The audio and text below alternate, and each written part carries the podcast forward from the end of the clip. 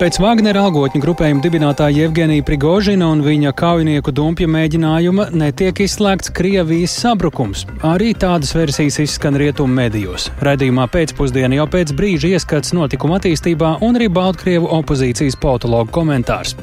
Vai kavēšanās ar 9. klasu eksāmenu rezultātu uzzināšanu ir sarežģījusi jauniešu pieteikšanos vidusskolās? Beig beigās sanāca to visu darīt ļoti lielā steigā. Pēc brīža raidījumā to skaidrosim plašāk.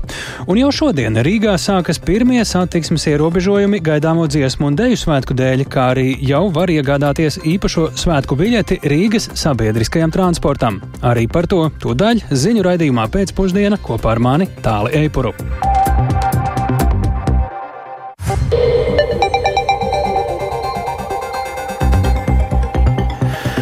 Pūkstens ir 16,5 minūtes, skan pēcpusdienas ziņu programma, skaidrojot šodien svarīgus notikumus. Studijā tālāk Eipurs. Labdien! Pēc Wagnera algotņu grupējuma dibinātāja Evgenija Prigožina un viņa kaujinieku sestdien īstenotā dumpja mēģinājuma netiek izslēgts arī Krievijas sabrukums. Tā lasāms Britu laikraksta The Times lejās norādot, ka ar dumpi saistīto notikumu temps līdzis Britu valdības ekspertiem sagatavot rīcības plānus dažādiem scenārijiem, tostarp hausam Krievijā. Tikmēr NATO ģenerālsekretārs Jens Stoltenbergs šodien Viļņā paziņojis, ka Prigožina un viņa vadītā algotņu grupējuma karagājiens uz Maskavu demonstrē, ka Krievija, sākot kāru pret Ukrainu, ir pieļāvusi stratēģisku kļūdu. Rustama Šukūrova ieraksts par jaunāko šajā stāstā. Britu laikraksts The Times vēsta, ka apvienotās karalistes valdības eksperti un amatpersonas iepriekš bija izteikuši pieņēmumus, ka Kremļa īstenotais karš Ukrainā varētu izraisīt nestabilitātes palielināšanos pašā Krievijā, taču neviens nebija gaidījis tādu notikumu pavērsienu, kas bija vērojams nedēļas nogalē. Lielbritānijas parlamenta apakšnāmā aizsardzības komitejas vadītājs Tobijas Elvuds tikmēr paudis uzskatu, ka Krievija ir nonākusi lielas nestabilitātes periodā. Pēc Elvuda domām Putina dienas dienas ir skaitītas, jo viņš bija spiests parādīt savu vājumu. Cits Lielbritānijas parlamenta deputāts Bobs Sīlijs intervijā Britu laikrakstam Daily Express norādīja, ka Prigožina un viņa vadītā grupējuma īstenotais dumpja mēģinājums krasi ietekmēs Krievijas armijas morāli un gluži pretēji uzmundrinās Ukrainas militārpersonas. Uzmundrināt Ukrainas aizstāvjus šodienas Viļņas vizītes laikā centās arī NATO ģenerālsekretārs Jens Stoltenbergs. NATO vadītājs kopīgajā preses konferencē ar Lietuvas prezidentu Gitanu Nausēdu paziņoja, ka gaidāmajā Viļņas NATO samitā jūlijā bloka dalību valstis vienosies par plašu militārās palīdzības paketes nodrošināšanu Ukrainai. Runājot par Wagner algotņu grupējumu un Jevgenija Prigožina iespējamo ierašanos Baltkrievijā, Stoltenbergs atzīmēja, ka NATO aliansei ir jānodrošina tas, lai agresors pat neiedomājas šķērsot NATO robežas un neiedomājas testēt NATO 5. panta efektivitāti. Mēs sekojam līdzi situācijai Krievijā. Notikumi, kas tur norisinājās nedēļas nogalē, ir Krievijas iekšējā lieta un vēl viens pierādījums milzīgai strateģiskai kļūdai, ko prezidents Putins pieļāva ar nelikumīgu Krimas aneksiju un karu pret Ukrainu. Tikmēr bijušais Polijas armijas ģenerālštāba priekšnieka vietnieks ģenerālis Leons Komorņickis Poļskajā radio 24 ēterā izteica viedokli, ka Kremlis ar Jeģenija Prigožina organizēto dumpi vēlējās novērst uzmanību no kara Ukrainā. Pēc Karmaņicka domām par būtiskāko rezultātu, kas izriet no Wagneriešu dumpja, var uzskatīt grupējuma pārvietošanos uz Baltkrieviju, no kurienes viņi var radīt militārus draudus Ukrainai. Rustams Šukurovs, Latvijas radio. Bet kā situācija pēc Prigožina negaidītā marša komentē mūsu pašmāja amatpersonas, ieklausīsimies, ko šorīt programmā Labrīt kolēģiem Laurim Zvejniekam sacīja aizsardzības ministrijas valsts sekretārs Jānis Garisons. Faktiski mēs redzam sākumu jauniem procesiem Krievijā, kas bija acīm redzot tāds diezgan paredzams pasākums, vai pareizāk notikuma attīstība, kad nu, ir izveidots vairākas privātas armijas dažādiem grupējumiem, un nu, es domāju, tagad sāks cīņa par varu. Un šajā situācijā ir divi scenāriji. Vai nu Putina kungs konsolidē varu un attiecīgi tiek vaļā no jebkādas arī tā skaitā labējiem šiem ekstrēmistiem, vai arī nu, tas novedīs pie kaut kādas tomēr varas maiņas izmaiņas un iekšējām cīņām Krievijā. Un, es domāju, mums jāraugās, kā tas faktiski attīstīsies tālāk, ko Kožina kungs darīs Baltkrievijā. Nu, tas, manuprāt, ir arī mums ir būtiski, jo nu, bēgļu krīze joprojām nav beigusies mums uz robežām. Un, nu, arī, protams, mēs redzēsim, domāju, skatoties, kā notikumi attīstīties, kas tad bija iesaistīts plašāk. Vai Prigožina kungam ir bijuši kaut kādi atbalstītāji vēl arī Kremlim pietuvinātās aprindās, vai viņš ir rīkojies viens pats, un tuvākie notikumi parādīs. Nu, Prigožina kungs jau viens pats nav laikam aizdevies uz Baltkrievi, viņš tur aizdevies ar lielu daļu savu algotņu, un tad jūs pieļaujat, ka šie cilvēki varētu arī kaut kā iesaistīties mūsu šajā bēgļu krīzē uz Baltkrievijas robežas? Ne, nu, es domāju, ka mums jābūt gataviem dažādiem scenāriju attīstībai. Un uh, algotņi labi apmācīti, kas ir bijuši kara darbībā, protams, ka viņus ir grūti noturēt miera stāvoklī. Protams, ka šādā vai tādā veidā viņi kaut kur iesaistīsies. Jautājums, vai tas būs Baltkrievijā, vai viņi tomēr dosies atpakaļ uz Āfriku, kur nu, Prigožina kungs ir ļoti dziļi iesaistījies dažādos procesos. Tādēļ, es domāju, mums jābūt piesardzīgiem un jāapzinās šie riski. Lūk, tā Jānis Garisons, aizsardzības ministrijas valsts sekretārs, bet uh, Kā ticis izlemts eh, par Jevgeniju Prigožinu došanos uz Baltkrieviju, jo šādas ziņas izskanēja uh, pirms pāris dienām, uh, vai citiem vārdiem, kā ticis izlemts par viņa faktiski izraidīšanu no Krievijas, un kā tad notikumi varētu attīstīties, un vai ir kādas ticamas ziņas par iespējamo Wagner vadītāju atrašanās vietu šobrīd? Par to Latvijas radio 4 kolēģis Mihails Ņikuļkins sarunājās ar šobrīd Lietuvā mītošo Baltkrievijas opozicionāro politologu Valēriju Karbaļevu. Adamoviču.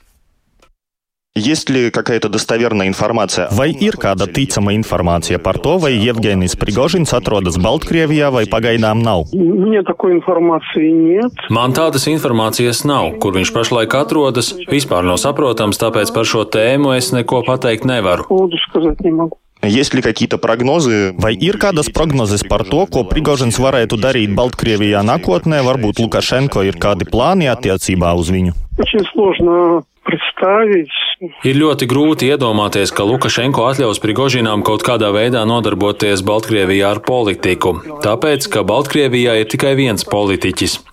Pie tam Prigožins ir nekontrolējams cilvēks. Lukašenko tādi nepatīk, tāpēc var pieļaut, ka tas ir pagaidu lēmums, pagaidu patvērums un ilgi tas neturpināsies.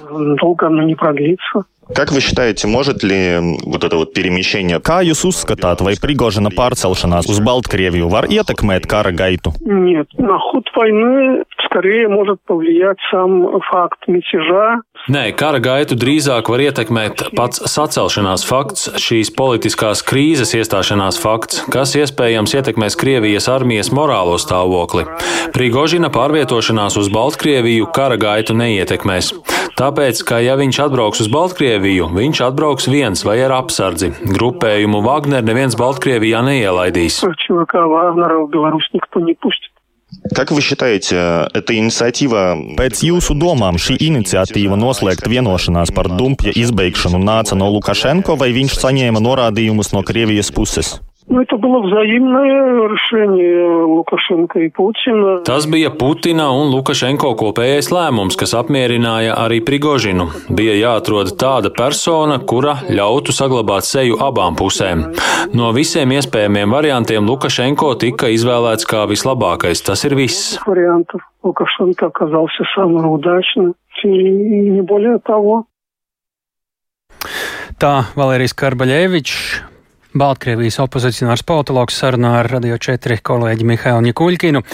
Bet Prigožina sāktais un tā arī neīstenotais dumpis nav palicis nepamanīts arī daudziem Latvijas iedzīvotājiem. Kā un vai un ar kādām sajūtām viņi tam sekojuši vai nav sekojuši līdzi par to Latgals studijas kolēģe Laurieviņa šorīt iztaujā iedzīvotājs Reizeknas ielās. Man liekas, ka tas ir vienkārši tāds gājiens, kuru mēs tikai vēlāk sapratīsim, kas ar to bija domāts. Sajūtas, nezinu, varbūt bija daļēji uztraukums arī kāds, ka tas varētu skart arī mūs, bet man liekas, ka tas ir kārtējais kaut kāds Putina un, un viņa līdzgaitnieku manevrus, jā, varbūt, lai novērstu uzmanību, kaut kāda provokācija, vismaz es tā domāju. Es īsti neticu tam, ka tur nu, tāds tas dumpis demokrātijas atjaunošanai Krievijā vai kā citādi. Es uh, zinu, bet es nesakoju, nebija īsti tam laika, bija jāmācās studijā. Nē, es, es arī ne, es nezinu par tādu vispār. Jā, es um, skatījos un sekoju. Es par to nu, priecājos. Tāpēc, ka vienreiz tam visam ir jāpieliek punkts. Varbūt tad būs vairāk iespēju Ukrainai uzvarēt. Es tā īpaši politikā neiesaistos, bet nu, mana vislielākā vēlēšanās ir, lai Ukraina uzvarētu un beidzot būtu miers. Un jums liekas, ka Vāgnerieši varētu palīdzēt? Varbūt, ka viņi tur kādu apvērsumu sataisītu, varbūt mazinātu viņu spēkus Krievijas. Nē, mēs bijām uz laukiem, Jāņus svinējām. Skatījos pa televizoru. Es domāju, ka viņš gāja līdz galam, neaizgāja, tāpēc, ka baidījās, ka viņu tur noķers un viņam gals būs. Griezās atpakaļ. Kādas jums bija sajūtas? Nu, nelabas, bailīgas. Tāpēc, ka nemieris var sākties. Kāds zina, kas pie mums Latvijā var notikt. Sekoju līdzi. Krievijai raksturīgi momenti parādījās, ka, kad kārtības nav tajā valstī. Vai jūs sekojāt līdzi Vāģneriešu dumpim? Nē, bija par Līgo svētkiem, kā sanācis aizņemts. Nu, tā bija dzirdēts, dzirdēts, ka tur kaut kas viņiem tur tuvojās. Viņi tur Maskavai nepatika kaut kādai, ka tur notiek ar to Maskavas varu. Grūti pateikt, kas tur viņiem notiek. Tā Lauras ieviņas aptaujātie iedzīvotāji Rēzeknes ielās.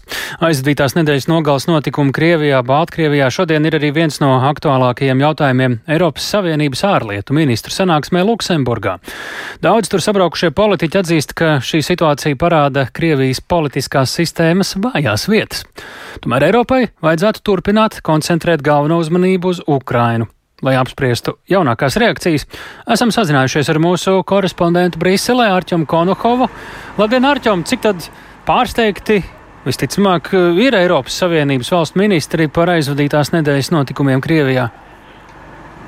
Labdien, tālu, labdien, klausītāji. Es teiktu, ka ministri bija diezgan pārsteigti. Protams, ka kaut kāda informācija viņam varētu būt bijusi pa slepenajiem kanāliem, ka tas tiek gatavots, bet tas, ka tas attīstījās tik strauji, tas, domāju, daudzus ir pārsteidzus, un to arī daži no ministriem nemaz neslēpa. Un, ja runājam par to, ka šobrīd parādās kādas reakcijas, šobrīd parādās, tad iespējams visspilgtāk ir izteicies Eiropas Savienības augstais pārstāvis ārlietās Žuzaps Borels.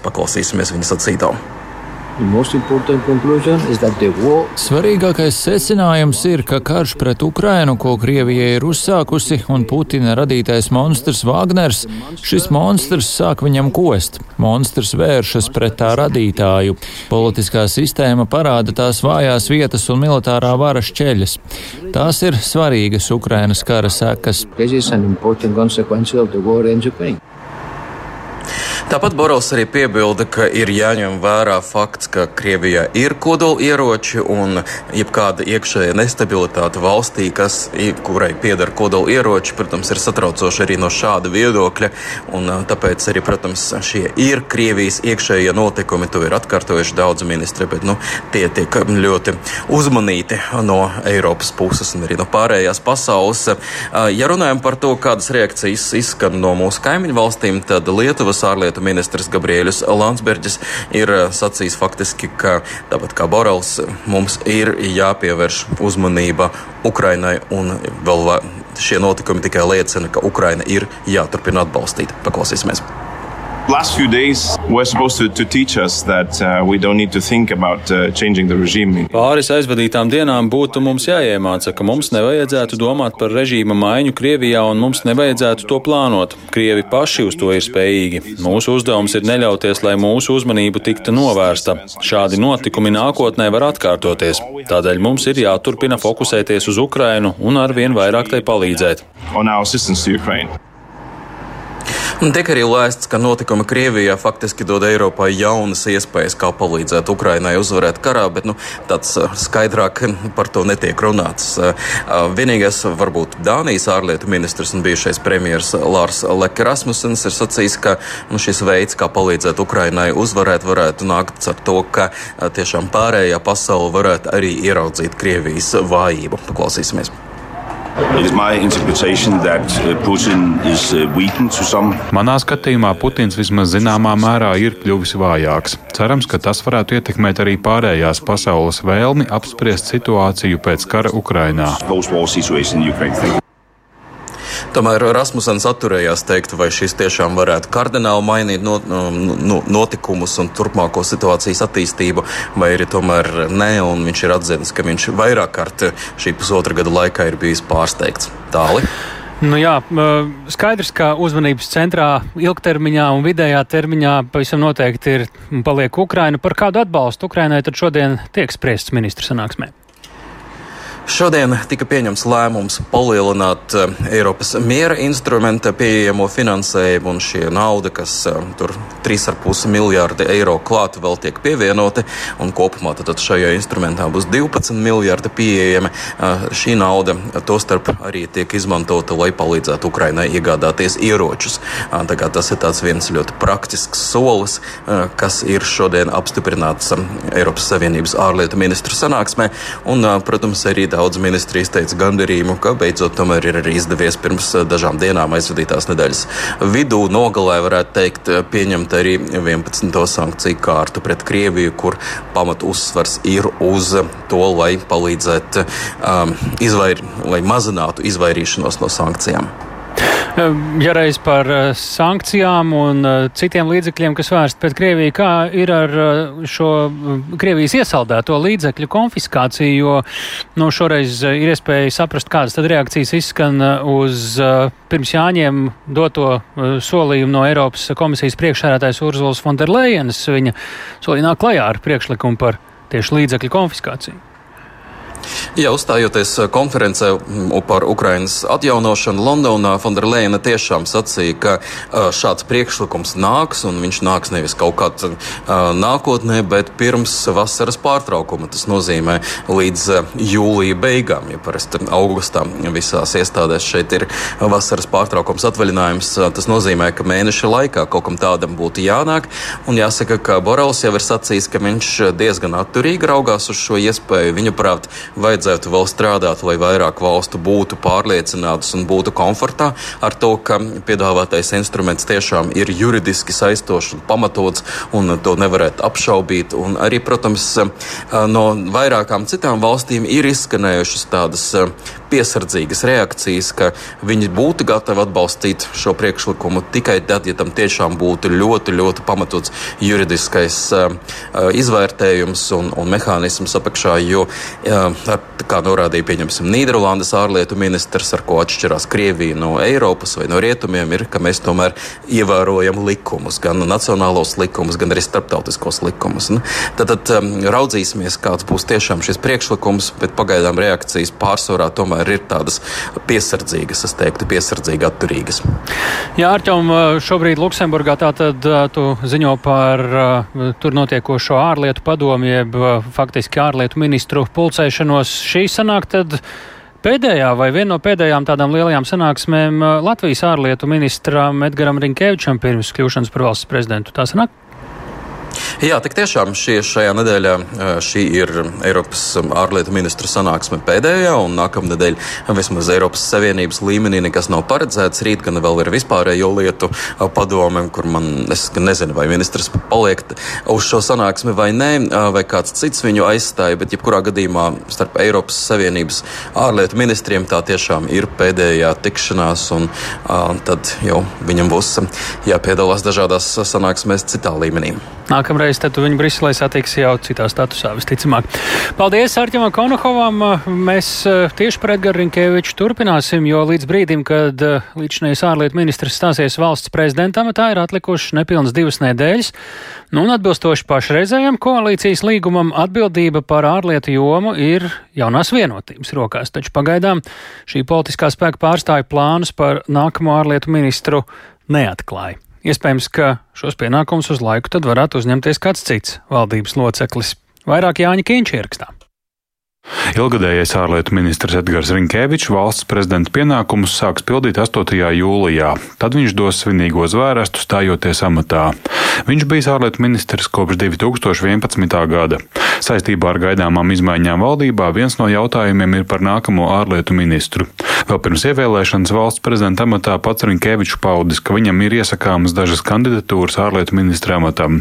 Tomēr, kā norāda esošajā koalīcijā ietilpstošās Nacionālās apvienības pārstāvis Saimas ārlietu komisijas vadītājs Rihards Kols, koalīcijā par nākamo ārlietu ministru nesot spriests. Mēs saprotam to vismaz no Nacionālās apvienības puses, ka koalīcijas līgums ir spēkā, kompetences ir starp koalīcijas partneriem strikti arī atrunātas, un jaunās vienotības kompetences ir ārlietu resursi, ārlietu ministrija. Pieļaut, ka kādu brīdi viens no ministriem vairs būtu ārlietu ministra izpildītājs, teiksim tā tā jau nav, kā saka, ekstremāla situācija. Kāda ministra pienākuma uzticēšana citam kolēģim tiešām nebūtu nekas neparasts. Ministra kolēģis mēdz aizstāt viņiem esot atvaļinājumā vai viņu ārvalstu vizīšu laikā. Ministri cita kolēģi amata pienākumus uz laiku uzņems arī specifiskākos gadījumos. Piemēram, pērn, kad no iekšlietu ministrs amata atkāpās Marija Golubeva un līdz nākamā ministra ievēlēšanai šos pienākumus uz laiku uzņēmās toreizējais aizsardzības ministrs. Taču pašreizējā politiskajā situācijā visticamāk sagaidāmas plašākas izmaiņas koalīcijā. Tās varētu skaidrāk iezīmēties pēc diviem notikumiem - jaunā valsts prezidenta Edgara Rinkēviča inaugurācijas 8. jūlijā un NATO samita Viļņā 11. un 12. jūlijā. Atšķirībā no tagadējā valsts prezidenta Egila Levita Rinkēvičs nav teicis, ka nevirzītu premjera amatam kandidātu, kurš piedāvā koalīciju ar Zaļo un Zemnieku savienību. ZZS viens no līderiem Viktors Valens pašlaik gan norāda, ka ar premjeru Krišānu Kariņu un citiem jaunās vienotības pārstāvjiem ārlietu ministrijas nākamo politisko vadītāju nav apsprieduši. Nu, mēs esam runājuši par drošības jomu, pārlietu jomu. Mēs neesam runājuši, bet tā ir viennozīmīgi jaunās vienotības. Viņiem šis jautājums viennozīmīgi jārisina, bet mēs vairāk fokusējamies uz tām piecām lietām, kas valdības vadītāja ieskatā kavē valsts attīstību. Intensīvi piedalāmies šajās sarunās, tādējādi arī mēģinot iekļaut savas idejas, kā labāk uh, šīs problēmas varētu risināt, realizēt zaļo zemnieku savienības politiku. Savukārt jaunās vienotības viens no līderiem, finanšu ministrs Arvils Ašerādens, pagaidām atturējās komentēt nākamā ārlietu ministra izvēli. Mūsu pusē ir vairākas alternatīvas, ko mēs šobrīd vērtējam, bet kā mums ir laiks to darīt, tad pašlaik publiski par to mēs negribētu izteikties no jaunās vienotības puses. Arī premjeras Krišjāns Kariņš šo jautājumu detalizēti varētu komentēt vēlāk. Jānis Kincis, Latvijas radio. Bet sākas pirmie satiksmes ierobežojumi dziesmu un dēļu svētku dēļ, un jau tagad var sākt iegādāties īpašu dziesmu svētku biļeti Rīgas sabiedriskajam transportam. Tie pāris no tematiem, par ko raidījumā pēcpusdienā turpināsim pēc brīža.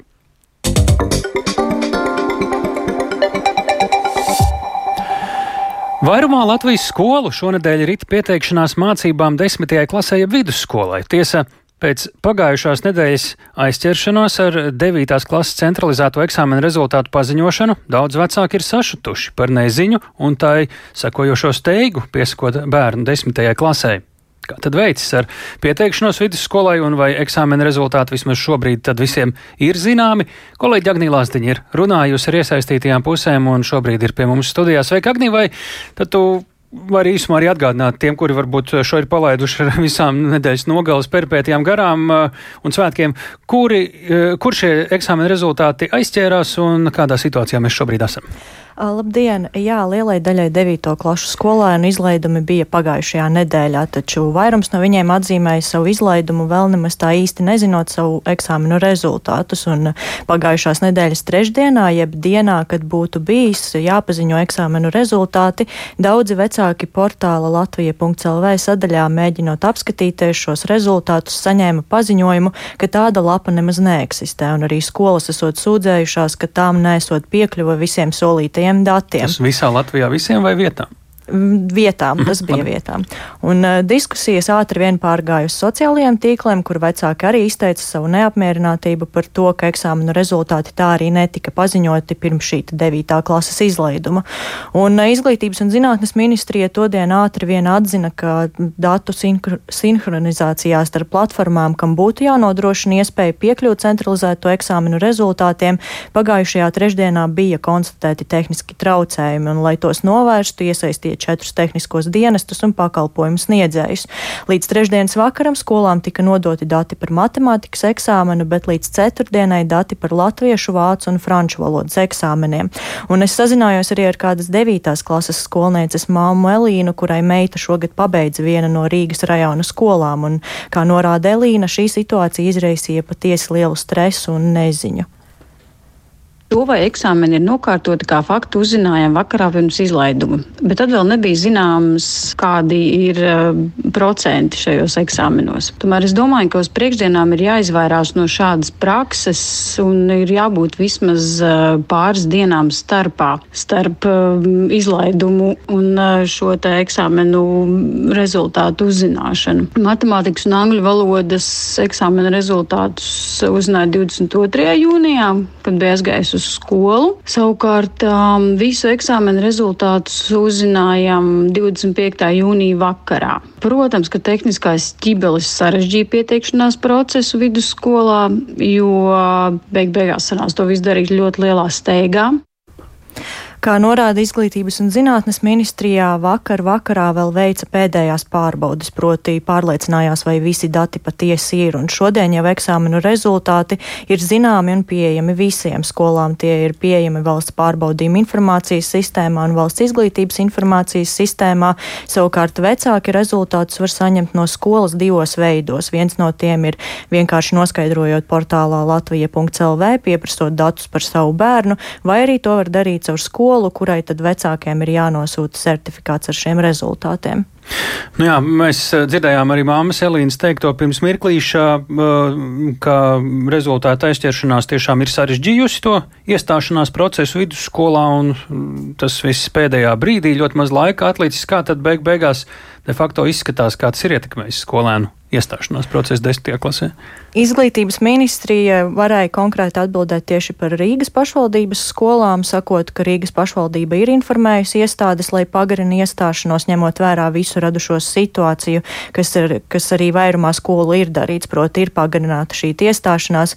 Taču, kā norāda Izglītības un zinātnes ministrijas pārstāvis Ilmārs Rikmanis, skolas jau pašas to zinot, tāpēc neviens pretendents nepazaudēs iespēju tikt vidusskolā eksāmenu rezultātu aizķeršanās dēļ šeit ir tas, ka skolas pašas, kuras uzņem, viņas jau redz, ka viņu bērniem tie rezultāti nav pieejami, līdz ar to viņi saprot, ka tas nav tā, ka kāds bērns tur slēp savus rezultātus vai negrib uzrādīt. Tas ir tāpēc, ka vienkārši tie rezultāti nav pieejami. Bet eh, šeit uzreiz ir jāpiebilst tas, ka bērni, kuriem diemžēl neizdevās iegūt nepieciešamo minimālo punktu skaitu, šī informācija jau bija iepriekš zināma, līdz ar to nevajadzētu būt situācijai, ka bērns pēkšņi uzzina, ka viņš tomēr eksāmenu nav nokārtojis.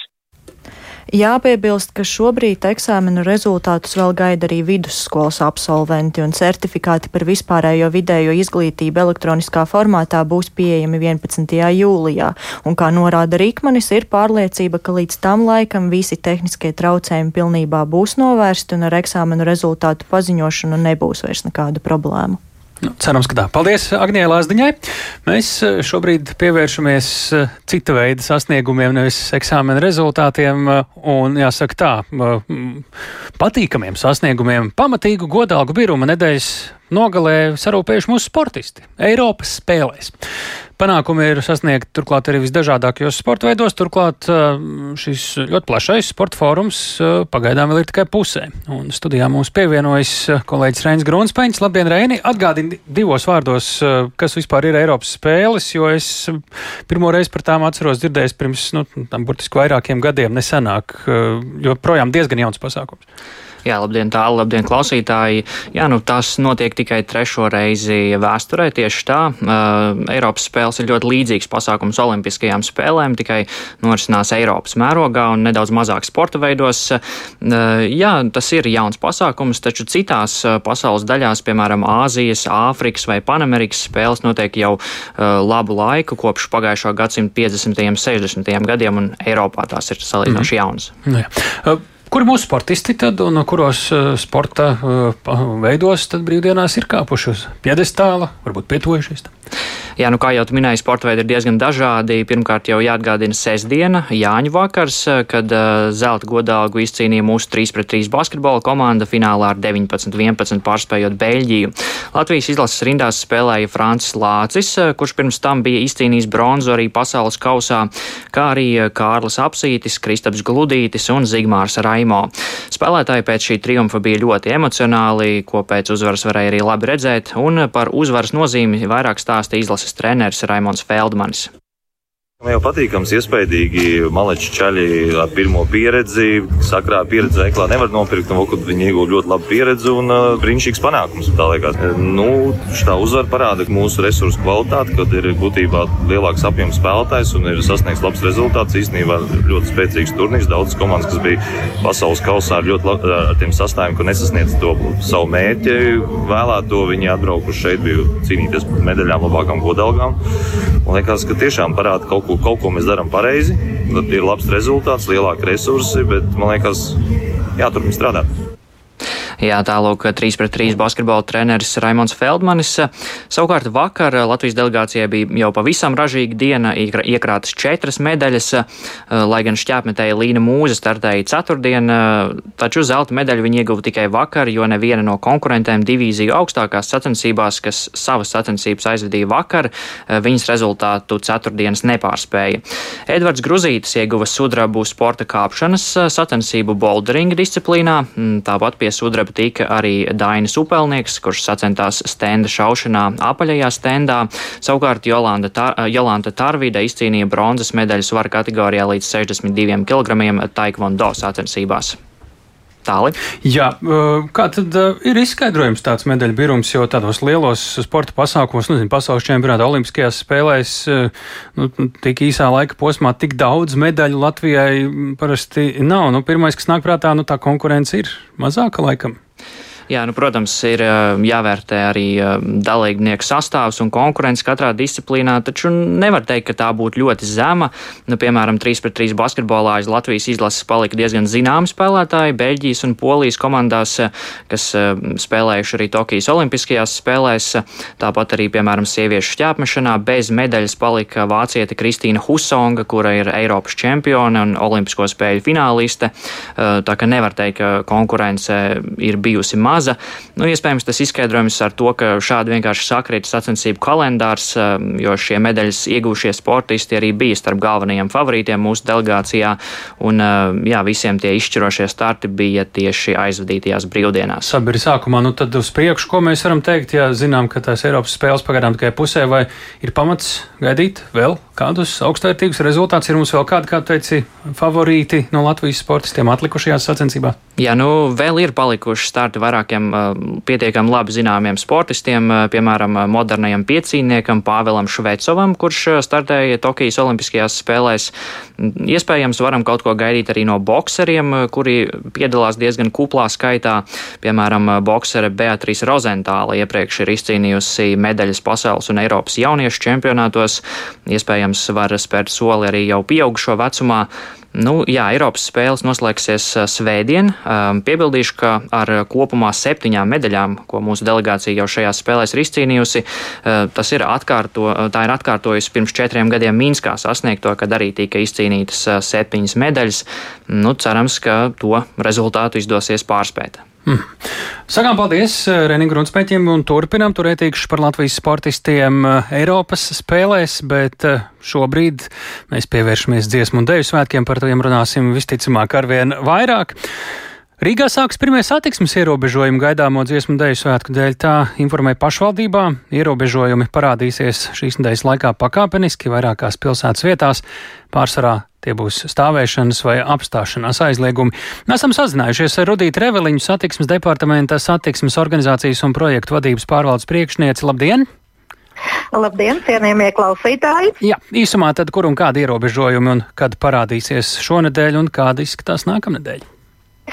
Tā tad, jebkurā gadījumā es gribu teikt, ka viens liels maratons tuvojas noslēgumam, tas ir gatavošanās maratons, un otrs maratons ar visiem svētku pasākumiem 30. jūnijā atklās savu gaitu. Bet par tiem un satiksmes šobrīd, ierobežojumiem, jā. Un šobrīd ir sekojoša lieta. Mums ir pirmais e, rīkojums par satiksmes ierobežojumiem, un tie stājas spēkā no šī vakara. Tātad Zikfrīda Annas Mērovica bulvārī posmā no Kaļķielas līdz Valdemārielas.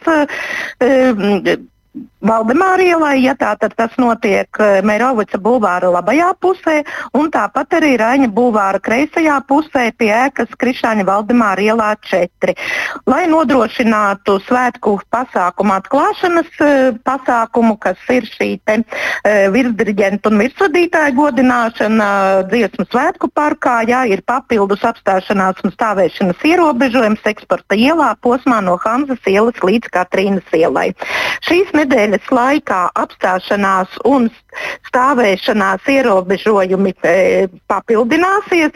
E, par visiem mēs informēsim pašvaldības mājas lapā, e, kurā ir izveidota jauna sadaļa un būs pieejama informācija par satiksmi dziesmu un dēļu svētku laikā, kā arī būs digitālā karte, kurā tiks atspoguļoti gaidāmie satiksmes ierobežojumi. Un tātad šī informācija būs sadaļā Rīga.lv LV satiksme, dziesmu un deju svētku laikā. Um, Turpināsies šie ierobežojumi pilsētas centra daļas ielās. Protams, e, viens no kulminācijas pasākumiem ir Svētdien, 2. jūlijā, kad notiks svētku dalībnieku gājiens, un tad arī būs šie ierobežojumi, kad būs slēgtas atsevišķas ielas satiksmei. Un, protams, te, e, šī te iela būs Brīvības bulvāris, Brīvības iela līdz Bruņinieku ielai un Bruņinieku iela posmā no Brīvības Brīvības eh, ielas līdz Krišāņa Valdemāra ielai. Eh, tāpat arī būs šie satiksmes ierobežojumi galvenokārt ar apstāšanās un stāvēšanas aizliegumiem pie arēnas Rīga, eh, būs pie Daugavas stadiona un arī pie Meža parka e, estrādes. Bet, jebkurā gadījumā, visus aicinu sekot līdzi tajā informācijā, kas parādīsies mūsu domas mājaslapā.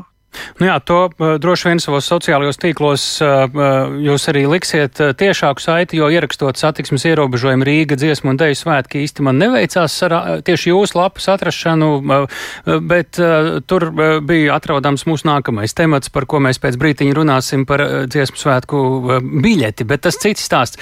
Tātad par šo īpašo karti tā arī ir šajā mājaslapā pieejama digitāli, tur katrs var apskatīties tīri vizuāli to sevi interesējošo reģionu. Jā, tā Tā tad mēs e, liksim jā, šos ierobežojumus šajā kartē atbilstoši tam, kā tiks e, parakstīts izpildu direktora rīkojums par nākošajiem ierobežojumiem. Šobrīd tie vēl nav redzami šajā kartē. Ja? E, šobrīd šajā kartē ir redzami tikai šie pirmā, pirmā rīkojuma ierobežojumi, bet vēl mums tiek precizētas atsevišķas sadaļas, jo informācija nemitīgi mainās. Kad varētu parādīties, kas tāds bet, noturīgāks?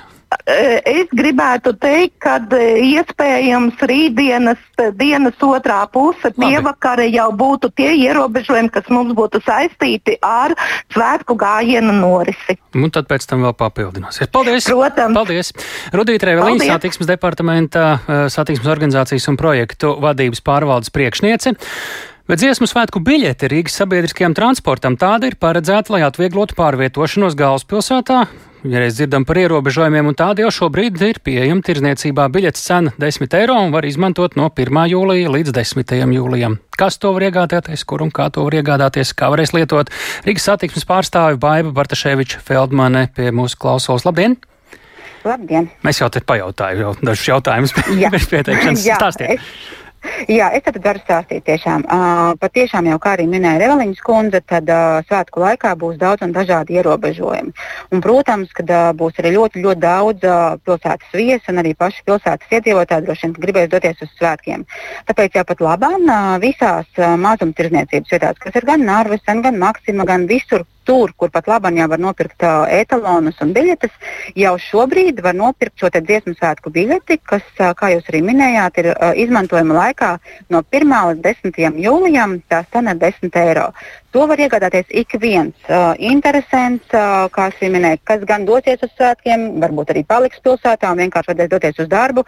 Un tajā brīdī plāno nolikt automašīnu mājās, atstāt un braukt ar sabiedrisko transportu. Un, un biļete ir ielādējama gan uh, dzeltenajos etalonos, kā mēs to sakām, gan arī tajos, ko cilvēki var, varbūt izmanto gan rīznieka kartes, gan zilie etaloni. Ikvienā, ikvienā respektīvi šajā te, uh, biļetes veidā, kas, kas tiek izmantots ikdienā. Biļete tuvāko dienu laikā būs pieejama arī mobilajā telefonā, jeb šajā mobilajā lietotnē. Kurā? Uh, gan Rīgas satiksmes, gan mobilī, gan arī Nārvesen, uh, respektīvi kvadrāta koda vai koda biļetes lietotnē. Uh, tad arī šajās lietotnēs, kurās jau pat labāk var nopirkt gan 90 minūšu biļeti, gan mēneša biļeti, būs jauns biļetes veids, dziesmu svētku biļete. Bet gribu uzsvērt, ka viņa ir derīga no 1. līdz 10. jūlijam. Jo svētki sāks 30. tad to pirmo dienu ne? Uh, nu šeit varētu diskutēt. No vienas puses, jā, uh, bet tajā pat laikā svētki beidzās 9. Uh, bet, kā mēs zinām, tad lielais noslēguma koncerts nu, ir. Tur ir līdz 10. tur ir dienu vēlāk. Par to es arī neko jā, nejautāju, tur viss labi, arī, bet par to 30. Jā. Bet pirmajā dienā, 30. ļoti mēs arī runājām ar organizatoriem un secinājām, ka tur ir salīdzinoši tāds pavisam, pavisam neliels koncerts. Un, un tāpēc Nav ir ļoti derīga. Jā, tad principā mēs par tādiem lieliem svētkiem runājam no 1. līdz 10. jūlijam, un tieši tāpēc, lai uh, uz to 30. iespējams ir salīdzinoši nedaudz cilvēku, bet 10. vakarā brauks mājās, vai no rīta brauks daudz, tāpēc, lai šī biļete darbotos arī līdz 10. Nu jā, šis attiecas tieši uz tiem, kuri nav svētku dalībnieki, jo svētku dalībniekiem ir cita kārtība, un uh, līdz ar to viņiem, uz, uz viņiem tas neatiecas. Tātad... Arī svētku dalībniekiem ir izdalītas šie sadarbībā ar organizatoriem nu biļetes, bet tur tad arī organizatori noinformēs dalībniekus, un, kā arī minēja, tad, principā lielākās, lielākais svētku, tomēr tas lielākā masa ir 1 līdz 10. Paldies par sarunu. To mēs sakām Baibai Bartaševičai Feldmanai, Rīgas satiksmes pārstāvēji. Un tas ir viss šīs dienas redzījumā pēcpusdienā. To veidoja Tālis Eipurs, Ilza Aginta, Ulds Grimbergs, Mārtiņš Paeglis. Ja vēlties, jebkurā laikā to var noklausīties arī Latvijas radio mobilajā lietotnē.